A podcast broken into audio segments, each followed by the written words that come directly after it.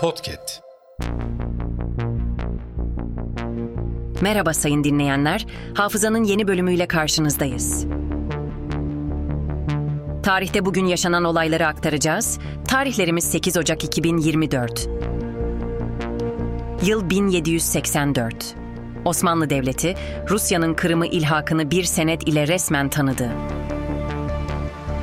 Yıl 1933. Birinci beş yıllık kalkınma planı kabul edildi. Yıl 1943. Yoksullara ucuz ekmek verilmesine ilişkin kararname yayınlandı. Yıl 1946. Celal Bayar Demokrat Parti Genel Başkanı oldu. Yıl 1960. Hirfanlı Barajı hizmete girdi. Yıl 1988. Bülent Ersoy'un sahneye çıkma yasağı kaldırıldı. Operasyonla cinsiyet değiştiren Bülent Ersoy'un sahneye çıkmasına Emniyet Genel Müdürlüğü 7 yıldır izin vermiyordu.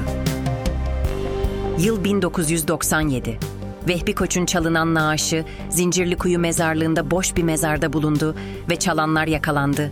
Koç'un naaşı 10 Ocak'ta ikinci kez toprağa verildi. Yıl 2003.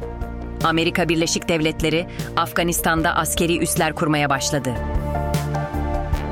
Hafızanın sonuna geldik. Yeni bölümde görüşmek dileğiyle. Hafızanızı tazelemek için bizi dinlemeye devam edin.